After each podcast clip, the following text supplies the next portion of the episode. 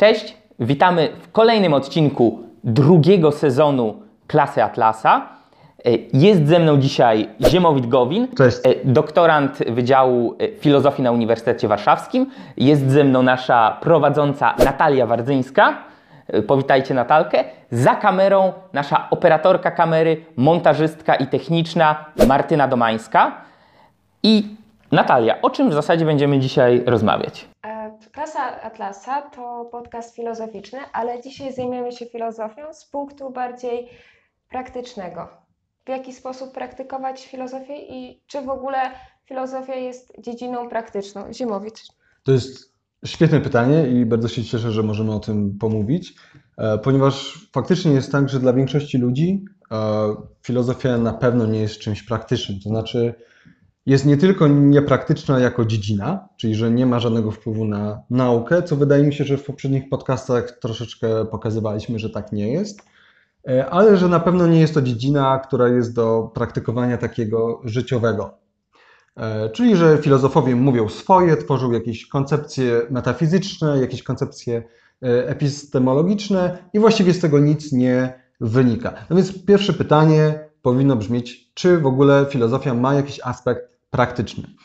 E, Na to pytanie, właściwie, żeby na to pytanie odpowiedzieć, wystarczy sięgnąć e, do początków filozofii, czyli do starożytnej Grecji, gdzie dla Greków, e, dla Platona, dla Arystotelesa i dla późniejszych filozofów greckich było oczywiste to, że filozofia jest jak najbardziej dziedziną praktyczną, a przynajmniej dziedziną, która też ma ten aspekt e, praktyczny. No i oczywiście tym aspektem praktycznym jest etyka, czyli to jest dziedzina, która próbuje nam powiedzieć, w jaki sposób mamy żyć, żeby żyć, żeby żyć e, dobrze. E, I właściwie w pierwszym naszym podcaście, w pierwszym sezonie mówiliśmy, dlaczego człowiek potrzebuje e, filozofii. On jej potrzebuje po to, żeby wiedzieć przede wszystkim, jaka jest natura świata, jaka jest natura człowieka, e, jaka jest natura naszego poznania, czyli w jaki sposób możemy wiedzieć, kim jesteśmy, jaka jest nasza natura i jaki jest świat. Czy na przykład e, percepcja zmysłowa e, jest czymś, na czym możemy oprzeć naszą e, wiedzę, w jaki sposób tworzyć e, naukę, czy możemy opierać swoją wiedzę i swoje przekonania na przykład e, na tradycji lub na przekonaniach naszych przodków albo na e, jakichś świętych e, księgach. Więc to są wszystko pytania e, filozoficzne, ale też trzecim pytaniem, które tam podkreśliliśmy, było pytanie, które można w bardzo prosty sposób e, nazwać, czy je sformułować jako co robić. Co powinienem, co powinnam robić, i to jest ten bezpośredni aspekt praktyczny e, filozofii. Także filozofia jak najbardziej jest praktyczna, a przynajmniej może być praktyczna. Innymi słowy, filozofia ma ten potencjał do tego, żeby ludzie, wyznając pewne zasady filozoficzne, które oczywiście uznali nie ze względu na jakiś autorytet, że tak na przykład mówi Ziemowit w podcaście, albo tak napisał e, Arystoteles, tylko zastanawiają się nad tym, kim oni są i do czego dążą, i w jaki sposób pewne zasady, które dana filozofia głosi, e, w praktyce zastosować. E, Więc ja bym tak w ogóle zaczął. e, Taki były punkt wyjścia, żeby zaznaczyć, że filozofia jest dziedziną praktyczną, a teraz możemy już przejść do tego bardziej, co to znaczy, że jest dziedziną praktyczną i w jaki sposób e, praktykować. Ja, jeśli jeszcze mogę, dorzuciłbym coś do tego, co mówił Ziemowit, bo zgadzam się z Ziemowitem. Natomiast chciałbym powiedzieć, że niektórzy mają takie podejście, w którym e, by powiedzieli z punktu widzenia teoretycznie, przynajmniej filozoficznego, co ten Ziemowit w ogóle wygaduje, bo są to osoby, które uważają, że można sobie posegmentować filozofię na różne kawałki i że metafizyka swoje, epistemologia swoje, a etyka, czyli ta praktyczna rzecz, jest jakby czymś zupełnie odrębnym, czyli tak jak my mówiliśmy na przykład y, w bodajże czwartym odcinku Klasy Atlasa pierwszej serii, czyli o cnotliwym egoiście, że etyka, czyli to jak człowiek ma się zachowywać, co ma robić, jakim człowiekiem powinien się stawać, jakie cnoty praktykować, do jakich wartości dążyć, nie jest oderwanym od wszystkiego abstraktem pływającym gdzieś tam w chmurach. To nie jest sobie amuzą, y, to nie jest coś, co jest arbitralnie przyjmowane ani wynika y, z, jakiejś, z jakiegoś czysto dedukcyjnego wnioskowania wynikającego z jakiegoś pierwotnie przyjętego aksjomatu, tylko jest to konsekwencja tego, co mówi nam metafizyka i epistemologia, czyli konsekwencja tego, jaki jest świat, którym żyjemy, jak my go możemy poznać, jacy jesteśmy my sami, jak my możemy poznać naszą własną naturę, czego ta natura od nas wymaga, abyśmy mogli żyć i rozkwitać w tym życiu i tak dalej. E, natomiast bardzo często ja się spotykam z ludźmi, którzy nawet są trochę zainteresowani etyką czy moralnością, czy próbują dyskutować na jakieś tematy moralne, e, nie wiem, na przykład na temat zasadności, czy nie, bezzasadności moralności, czy niemoralności eutanazji, jakichkolwiek innych działań, czy wolno czasami kłamać, czy nigdy nie należy kłamać i tak dalej, ale chcą to robić w oderwaniu od wszystkiego innego. Jakaś tam, ich nie interesuje natura świata, natura tego, oni mówią, ty, tym to niech się zajmuje fizyka, biologia yy, i tak dalej, a, a my tu podyskutujemy sobie o etyce. Tylko bardzo często, a w zasadzie chyba z konieczności, yy, musi to wychodzić z jakiejś bardzo arbitralnej przesłanki. Na przykład oni na samym wstępie sobie zakładają, etyka yy, dotyczy tylko tego, jak ja funkcjonuję w społeczeństwie i jaki jestem dla innych ludzi. To jest etyka. Jak siedzę sobie sam w domu, Y, albo w pracy, to tam nie ma żadnej etyki. Tak? To ostatnio nawet, y, powiedzmy, prywatny przykład podam. Miałem rozmowę z kolegą, który deklaruje się jako stoik y, i była rozmowa na temat właśnie jakichś, jakichś zagadnień etycznych i w każdym razie w pewnym momencie padło hasło, że no, etyka jest potrzebna nam na co dzień, w każdej chwili naszego dnia, na przykład, yy, żeby oceniać innych ludzi, oceniać samego siebie, żeby jeśli na przykład przyjmuje się kogoś do pracy, jakiegoś pracownika, to żeby wiedzieć, czy on jest wiarygodny, czy nie, czy na przykład będzie dobrym programistą, czy nie, yy, czy będzie się przykładał do pracy, czy nie. I ten kolega powiedział od razu, przecież to nie jest etyka. To nie ma nic wspólnego z etyką, tak? To chodzi tylko o jakąś tam praktykę biznesową. Gdzie tu jest etyka, tak? No więc nasze podejście jest trochę inne. Nie chodzi, etyka nie dotyczy tylko tych bardzo wąskich, pojedynczych przykładów, kiedy jest ten dylemat wagonika i zastanawiamy się, czy przesunąć dźwignię, czy nie, kiedy jest dyskusja na temat eutanazji, kiedy zastanawiamy się, czy w jakimś ważnym momencie życiowym możemy skłamać, nie wiem, mężowi albo żonie, czy nie, e, czy, czy białe kłamstwo jest dopuszczalne w takich dramatycznych sytuacjach, czy nie. E, I generalnie to jest taka wizja, którą my odrzucamy, my się z nią nie zgadzamy i myślę, że już sporo mówiliśmy o tym, dlaczego się nie zgadzamy, w której życie sobie toczy, y, życie się toczy, życie sobie płynie, my y, mamy kontakty z innymi ludźmi, y, zakładamy rodzinę, pracujemy, robimy karierę, studiujemy, uczymy się i tak sobie jakoś tam żyjemy, ale to jest w ogóle kwestia amoralna. My, no, no, po prostu trzeba coś tam robić, trzeba coś tam żyć. To jaką pracę obierzemy, na jakie studia pójdziemy, jak będziemy, e, z kim założymy rodzinę, z kim nie, to jest kwestia, której etyka nie dotyczy. A etyka dotyczy tylko tych pojedynczych, to jest to jakby taki piasek na pustyni, a etyka dotyczy tylko takich pojedynczych, wolno stojących głazów, jak czy dokonać aborcji, czy eutanazja, czy, które generalnie w życiu Umówmy się, ja nie mówię, że to są rzeczy nieistotne, tylko zdarzają się rzadko. To nie jest wybory dnia codziennego. A my mówimy filozofia. Cała filozofia, włącznie z epistemologią, ale zwłaszcza etyka dotyczy tu i teraz, każdego dnia, każdej godziny naszego życia i wszystkich wyborów w zasadzie, które podejmujemy, ponieważ wszystkie wybory z punktu widzenia naszego dobrostanu, z punktu widzenia tego, kim chcemy się stać, kim powinniśmy się stać, z punktu widzenia naszego dążenia do szczęśliwego, spełnionego życia i osiągnięcia eudaimonii, są ważne. Każdy z tych wyborów może być dobry albo zły. Więc etyka zajmuje się wszystkim i potrzebuje tej podbudowy metafizycznej i epistemologicznej, nie może sobie istnieć jako abstrakt sam w sobie. E, I to jest też to, co różni nas od wielu innych, którzy stwierdzają, że etyka to jest taki mały wycinek, który jeszcze bardziej możemy sobie podzielić, że tam będzie bioetyka, sroetyka i tak dalej. Więc e, no nie, to taka moja uwaga. Okej, okay, to na jakie sfery życia praktykowanie filozofii ma wpływ?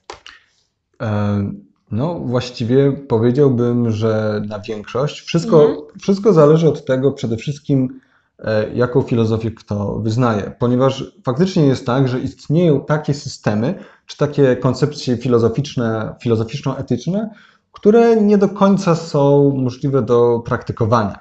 Albo na przykład są to koncepcje, które mówią, że etyka dotyczy faktycznie tylko tych wybranych głazów, tak jak Mateusz powiedziały, że faktycznie jest tak, że jestem piasek, to jest nasze e, życie, a jakieś tam problemy się pojawiają tylko e, co jakiś czas. I wtedy nam wchodzi etyka. Z tego punktu widzenia e, taka filozofia wciąż jest filozofią praktyczną, ale jest zawężona tylko do, do tych przykładowych problemów, czyli co na przykład mam zrobić, e, jeżeli e, jestem w takim stanie, że już nie mogę w żaden sposób pracować ani działać, jestem podłączony do jakiejś aparatury medycznej, jestem e, podtrzymywany przez jakieś e, urządzenia jestem obciążeniem dla mojej rodziny. No i ktoś na przykład może się zastanawiać, czy przypadkiem to nie jest, nie, czy to nie jest niemoralne z mojej strony, że ja właściwie jedyne co robię, to jestem jakimś utrapieniem dla mojej rodziny. No i jeżeli filozofia, dana filozofia traktuje e, problemy etyczne tylko z punktu widzenia takich konkretnych, pewnych przykładów, które mogą się zdarzyć, chociaż często się nie zdarzają, albo zazwyczaj na szczęście się nie zdarzają, no to wtedy dotyczy to niewielu sfer. Natomiast z punktu widzenia, e, z punktu widzenia e, Naszego. naszego, z punktu widzenia też wydaje mi się, jest to zgodne w ogóle z myśleniem na szczęście coraz większej liczby filozofów, że etyka dotyczy tego, w jaki sposób żyć swoje życie jako całość. Czyli w jaki sposób faktycznie się rozwijać, w jaki sposób rozwijać swój charakter, no to z takiego punktu widzenia tak naprawdę to e, te sfery życia, na które filozofia ta praktyczna ma wpływ, to są wszystkie. E, Przede wszystkim z naszego punktu widzenia, e, no, taką sferą e, jesteśmy przede wszystkim my sami. To znaczy etyka, która mówi mi, jakie wartości wybierać, jakimi cnotami się kierować, e, ma wpływ na mój charakter. Czyli de facto to, e, kim ja się staję podczas dokonywania moich codziennych wyborów. E, Czyli na przykład, jeżeli ja będę praktykował cnotę e, odwagi i cnotę sprawiedliwości, to ja będę zmieniał swój e, charakter w tę stronę. Jeżeli moja filozofia mi mówi, że życie to miejsce, w którym mogę osiągnąć szczęście i że ja to powinienem zrobić i podaje mi narzędzia, dzięki którym ja mogę to zrobić, no to wtedy to też, to też się odzwierciedla w moim praktycznym, codziennym e, zachowaniu. Czyli, że ja na przykład wybieram rzeczy, które są dobre z punktu widzenia mojego szczęścia. No i teraz zwróćmy uwagę. Jeżeli, tak jak mówiliśmy już w e, różnych podcastach, szczęście jest naszym celem moralnym, tym celem ostatecznym, szczęśliwe życie, no to wtedy wszystko, każdy nasz, nasz e, wybór, który podejmujemy, ma jakiś wpływ, krótkofalowy lub długofalowy z punktu widzenia tego, tego ostatecznego celu, jakim jest to nasze szczęście.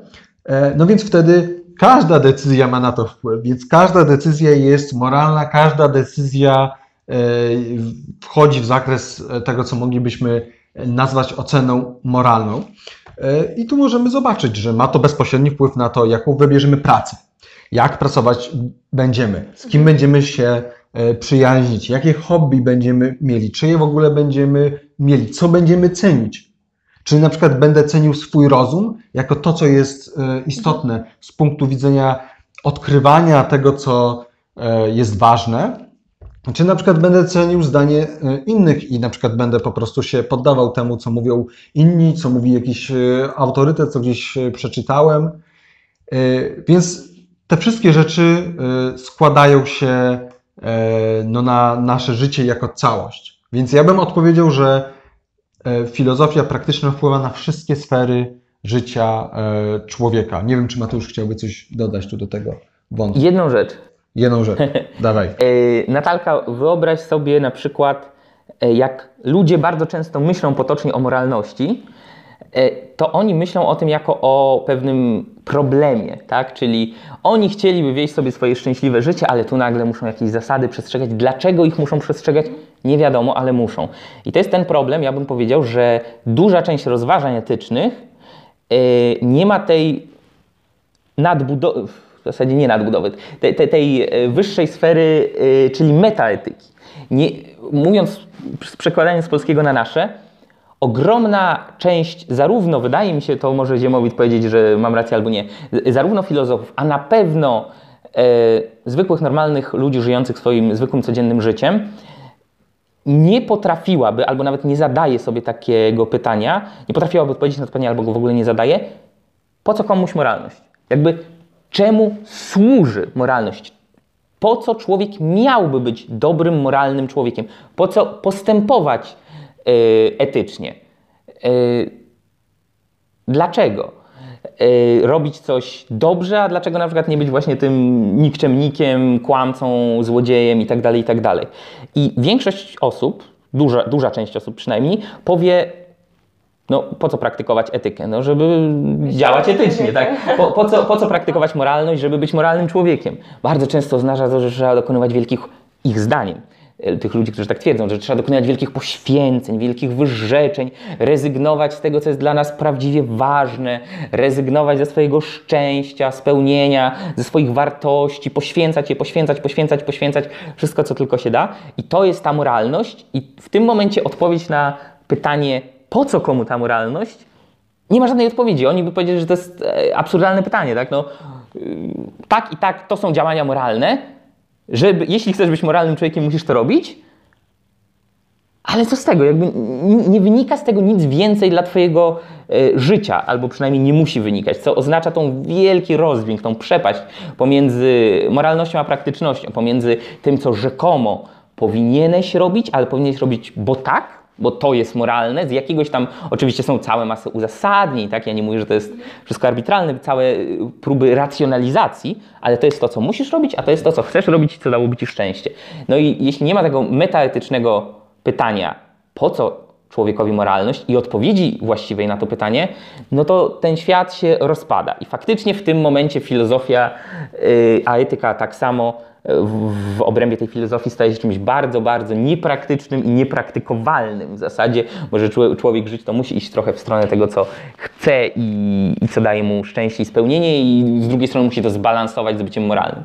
Szczerze, bardzo okropna postawa i nie wiem, prowadzi do schizofrenii albo w każdym razie do hipokryzji. Ciężko nie być hipokrytą, wyznając taką zasadę, jeśli chodzi o moralność. Jakiś czas temu czytałam taką książkę Przeciw rozpaczy, chyba taki miała tytuł, i tam były porównane różne postawy względem życia: mhm. stoicyzm, e, hedonizm i tak dalej. E, jak myślisz, jaką postawę najlepiej jest według Ciebie przyjąć względem życia jako filozofię? Mhm. No, oczywiście tą, którą my przyjmujemy, czyli E, obiektywizm. jak zwykle. E, nie, to znaczy, no, wszystko co my tu mówimy, mówimy z perspektywy filozofii e, obiektywistycznej. E, nie da wydało się. Wydało, nie, to już wydało się już jakiś czas temu, zresztą widać tutaj Atlas. E, Atlasa zbudowanego, także e, karty na stół. Nie da się w skrócie powiedzieć, na czym dokładnie polega mhm. obiektywizm, ponieważ jest to cały system filozoficzny, już dużo odpowiedzieliśmy na to pytanie, jaka jest metaetyka e, obiektywistyczna, czym są wartości, czym są cnoty. E, omówiliśmy cnotę sprawiedliwości, omówiliśmy koncepcję szczęścia. E, więc w takim dużym skrócie, gdybym musiał odpowiedzieć, to bym powiedział, że trzeba się kierować racjonalnością i wynikającą z, z niej i, wy, i wynikającymi z niej innymi cnotami po to, żeby wieść życie szczęśliwe, czyli z punktu widzenia pewnej e, całości, jaką jest właśnie e, życie. E, no i przede wszystkim zawsze działać z punktu widzenia swojego interesu własnego, tego, tego rozumianego długo, długofalowo. Natomiast nie, pozwolę sobie odpowiedzieć na pytanie, którego nie zadałaś, ale mhm. które sądzę, że warto zadać. To znaczy, czym się różni uznawanie danej etyki, uznawanie danej filozofii, a faktyczne praktykowanie jej. Ponieważ często widzimy być może po sobie, być może po swoich znajomych, że oni na przykład dochodzi u nich do jakiegoś przewartościowania. Oni nagle się nawracają na jakiś system wartości. To może być system religijny, ale to może być też system świecki, czyli jakaś e, filozofia. I widzimy, że oni mówią, że dla nich jest coś ważne, że oni mówią, że trzeba żyć na przykład w zgodzie z tym, co mówi Kościół, albo w zgodzie z tym, co pisze Kant, albo w zgodzie z tym, e, na przykład, nie wiem, chcą być weganami i tak dalej. I znamy wiele takich e, osób i oczywiście część z tych ludzi faktycznie próbuje stosować te swoje zasady, które wyznaje w życiu, ale każdy z nas, myślę, zna takie osoby, które mówią o tych zasadach, mówią o tej filozofii lub o e, religii, ale jej nie praktykują. Albo tylko częściowo. Albo tylko częściowo. Więc teraz Wierzący, ale nie praktykujący, tak? No na przykład. tak, no i teraz pytanie, co... Tak samo filozofujący, ale nie praktykujący. Tak, pytanie, co jeżeli ktoś na przykład uzna, że obiektywizm to jest filozofia, która jest prawdziwa, która dobrze odzwierciedla naturę człowieka, świata Mhm. e, i etykę, ale jej nie praktykuje. To znaczy mówi, że to jest spoko i że on jest osobą racjonalną i tak dalej, ale w praktyce nie jest. E, to znaczy przede wszystkim trzeba tu powiedzieć, że z faktu, że się uznaje dany system wartości, nie wynika, że my ten system praktykujemy. E, Czyli po prostu są osoby, które mówią A, mówią, że trzeba robić A, ale A nie robią. E, Z czego to wynika? No, przede wszystkim to może wynikać z wielu rzeczy. To nie jest tak, że gdy uznamy jakiś system wartości, zwłaszcza taki, który nam mówi, że trzeba codziennie działać w określony sposób i trzeba zmienić właściwie całe swoje e, postępowanie, przemyśleć taką naszą e, codzienność, to nie jest proste, żeby przejść od uznania tego do praktykowania. To jest pewien proces, do którego dochodzimy. Też nie bez powodu my tutaj w tych podcastach podkreślamy e, wagę czy istotność charakteru. Charakter jest bardzo ważny z punktu widzenia praktykowania filozofii. No i każdy z nas, a przynajmniej większość z nas, z, z różnych powodów nie do końca jest, że tak powiem, nastrojona pod praktykowanie odpowiedniej e, filozofii, czy to przez wychowanie, czy to przez książki, które przeczytaliśmy wcześniej, które na przykład były e, niekoniecznie dobre z punktu widzenia naszego rozwoju moralnego i teraz po prostu jest nam troszeczkę trudno y, dostosować te zasady czy te wartości do naszego życia. E, No ale z pewnością e, lepiej jest, jeżeli uznajemy te zasady, próbujemy je stosować. Jeżeli to robimy, to faktycznie powoli nasz charakter będzie się zmieniał, to nasze ukryte przekonanie, e, nasza ukryta metafizyka, czyli podejście do świata się zmieni i mam nadzieję, że jak najszybciej dojdzie do pewnej unifikacji między tym, co. uznajemy, do fuzji między tym, co uznajemy świadomie, a tym, co czujemy podświadomie. E, No ale gorzej, jeżeli ktoś uznaje pewne zasady, ale w żaden sposób nie próbuje ich praktykować, w żaden sposób nie próbuje ich zmienić. To są często ludzie, którzy przyjmują pewne zasady po to, żeby znaleźć się, żeby, żeby mieć jakąś taką tożsamość, Żeby którą taką, przynależeć do jakiejś taką wizytówkę. idei grupy. Tak, to jest taka ideologiczna wizytówka. Spójrzcie, ja tutaj jestem, nie wiem, kantystą, ja tu jestem utylitarystą, ja tu jestem Konserwatystą, Tak. takim, śmakiem. Jestem katolikiem, czym, czymkolwiek, a z tego nie wynika nic. No, y, wtedy na pewno y, taka filozofia, to znaczy ktoś może wyznawać dobre zasady, ale w żaden sposób ich nie praktykować. Y, No, to nie jest na pewno coś, co zalecamy, i, i na pewno bliżej jest nam i naszej myśli do ludzi, którzy niekoniecznie wyznają te zasady świadomie, ale mimo to się nimi y, kierują, niż ludzie, którzy mówią, że je wyznają, a ich życie w ogóle wygląda zupełnie inaczej i nie próbują go zmienić, bo sądzę, że to jest jednak e, kluczowe. z zastrzeżeniem. Czasami są idee, filozofie, poglądy tak złe, tak plugawe, tak nikczemne, tak niszczące życie, że w- cudzysłowie hipokryci wśród ludzi wyznających takie idee są dobrzy, w sensie są lepszymi ludźmi niż gdyby faktycznie praktykowali od A do Z, tak? Jeśli ktoś jest zdeklarowanym komunistą, bolszewikiem, to lepiej, żeby w praktyce Był liberałem. tak, żeby chodził sobie do tego Starbunia i gdzieś tam pracował i tak dalej, i tylko sobie gadał o tym, niż gdyby praktycznie szykował się do rewolucji. Tak samo jeśli ktoś jest muzułmaninem wahabitą w Arabii Saudyjskiej, e, to lepiej, żeby praktykował to no, no nie do końca tak, e, jak jego religia teoretycznie e, wymaga. Mm, I to jest jedna rzecz, a druga rzecz jeszcze tak na, na szybko e, chciałem tylko e, dodać a propos tego praktykowania, e, że e, chwila, moment, bo teraz e, na szybko, na szybko mi to... Zerkasz na, na ściągę naszą. Tak, zerkam na ściągę, ale to nie w było tylko w mojej głowie, w moim rozumie. E, Możemy otworzyć. e, chyba, że Natalka masz jeszcze jakieś pytanie na szybko, bo... O, To ty sobie spokojnie przypominaj, a my, a my Tak. przechodzimy dalej. Czy mamy jeszcze jakieś pytanie, które chcielibyśmy zadać? jakie są konkretne przykłady zastosowania tej filozofii, nie Natalka? To jest w sumie... No, konkretne przykłady zastosowania filozofii. Albo może, wiecie co, zupełnie zmieńmy. Mateusz, Co ty praktykujesz? Złe rzeczy. Konkret. Konkret. Co ja praktykuję? Mamy jeszcze kilka minut, powiedzmy, jak my praktykujemy. Dobre Codziennie, codziennie modlimy się do Atlasa zbuntowanego. Tak. E, nie. E, praktykujemy, je- jeśli o mnie chodzi, na pewno świadome podejście do e, idei filozoficznych i czytanie na ten temat, dowiadywanie się, uczenie się, konfrontowanie jednych idei z drugimi bardzo dużo mi dało w kontekście tego, co od zawsze w zasadzie było, odkąd pamiętam, było mi potrzebne, a co nie zawsze łatwo mi było znaleźć, czyli yy, pewnej spójności w moim życiu. Czyli nie, że mam trochę tych idei, trochę tych, te wydają się słuszne i tak dalej, i robi się taki patchwork, ja to próbuję jakoś poszywać, posklejać, ale nie zawsze to się trzyma kupy. I ja nie znam myśli przewodniej, jakiejś idei, która by to podsumowywała, która łączyłaby y, te różne rzeczy y, i byłaby pewną osią. I akurat jak zacząłem czytać e, różne teksty filozoficzne, e, zacząłem się interesować e, kiedyś najpierw filozofią starożytnych Greków, później arystotelizmem i Ayn Rand, to zaczęło to wszystko łączyć się i pomaga mi nawet w tych dziedzinach, w których jakby wymagam jeszcze dużo pracy od siebie, na przykład prokrastynacji w mojej pracy i tak dalej, ale dzięki temu Wiem, że potrafię i mogę być i jestem lepiej zorganizowany niż byłem.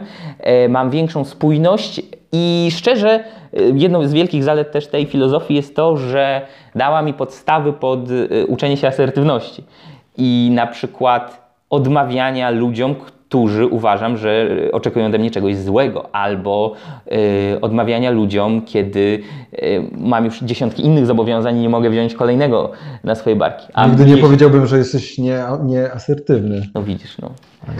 Dziękuję pani Ayn Rand. Więc to na przykład z mojej perspektywy. A, A z twojej? a z mojej perspektywy na pewno zmieniło się to, że zacząłem oceniać ludzi niezgodnie z tym, jakbym chciał, żeby oni byli. Czyli zacząłem e, no tak naprawdę praktykować cnotę racjonalności e, w kontekście sprawiedliwości, czyli oceny drugich ludzi. I faktycznie z pewnymi osobami po prostu przestaję się zadawać, bo na przykład dostrzegam to, że e, tak naprawdę coś, co myślałem, że jest blisko, bliskim koleżeństwem lub przyjaźnią, jest tak naprawdę oparte nie na jakichś głębokich relacjach, tylko na mile spędzanym czasie raz na, raz na jakiś czas. E, A też osoby, które robiły rzeczy, które uważałem za złe, ale wcześniej im to odpuszczałem, też zacząłem takie osoby e, odrzucać. Na pewno w filozofii obiektywistycznej jest coś takiego, że no ona przede wszystkim mówi, że musisz skupić się na sobie, że nieważne jaki jest świat, to ty możesz skupić się na swoich wartościach, na tym, co ty robisz i I być moralnym i i, być szczęśliwym moralnym. człowiekiem. Wcześniej miałem w sobie coś takiego, że strasznie przeżywałem, że wszyscy ludzie, czemu oni są tacy głupi, czemu oni nie widzą tego, że coś jest złe i tak dalej. E, a teraz widzę, że po prostu umiem skupić się na sobie, widzę świat przejrzyście i zdaję sobie sprawę z tego, że ludzie mają często błędne e, koncepcje, ale to nie jest prymarnym Coś, co motywem. To nie jest coś, co mm, przeżywam. Żyję swoje, robię I myślę, swoje. I myślę, że to jest najważniejsze, żeby umieć żyć samemu tak dobrze i tak moralnie i tak szczęśliwie, jak tylko możemy.